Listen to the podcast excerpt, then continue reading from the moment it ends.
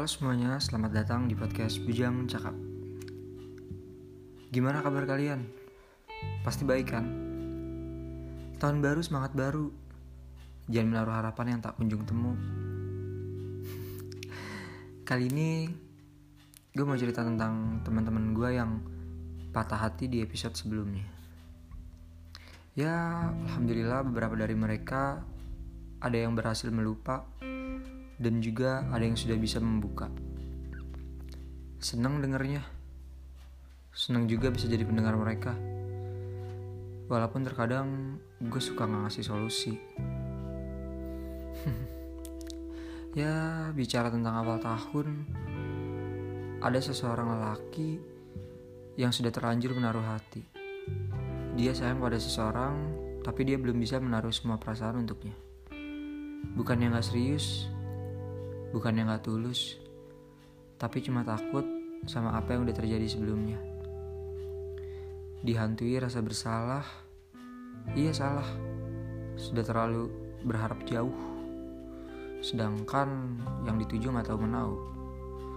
Lucu ya, padahal kalau dipikir-pikir, berjuang gak sebercanda itu. Tanpa disengaja, waktu terus berjalan tanpa disengaja, rindu itu perlahan tumbuh. Dan tanpa disengaja, cemburu mulai membisik.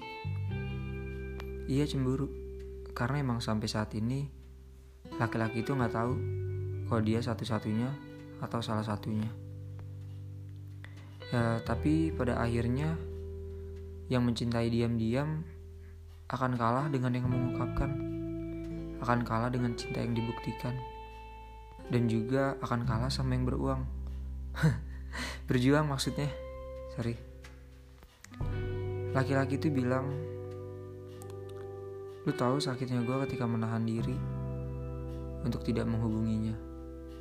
Lu tahu lelahnya menunggu notifikasi darinya yang tak menentu. Lu gak akan tahu, sebab gue bukan orang yang pertama yang dia tuju.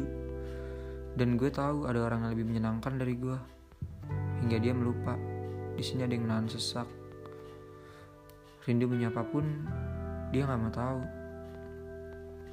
Dan laki-laki itu juga bilang dari segenap yang terikat katanya cuma dia yang sulit lepas dalam ingat.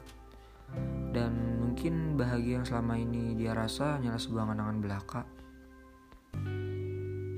Kalau udah kayak gini selalu ingat postingan di akun Twitter yang katanya patah hatimu bukan urusan seseorang yang membuatmu jatuh hati, melainkan kamu yang harus perbanyak introspeksi diri.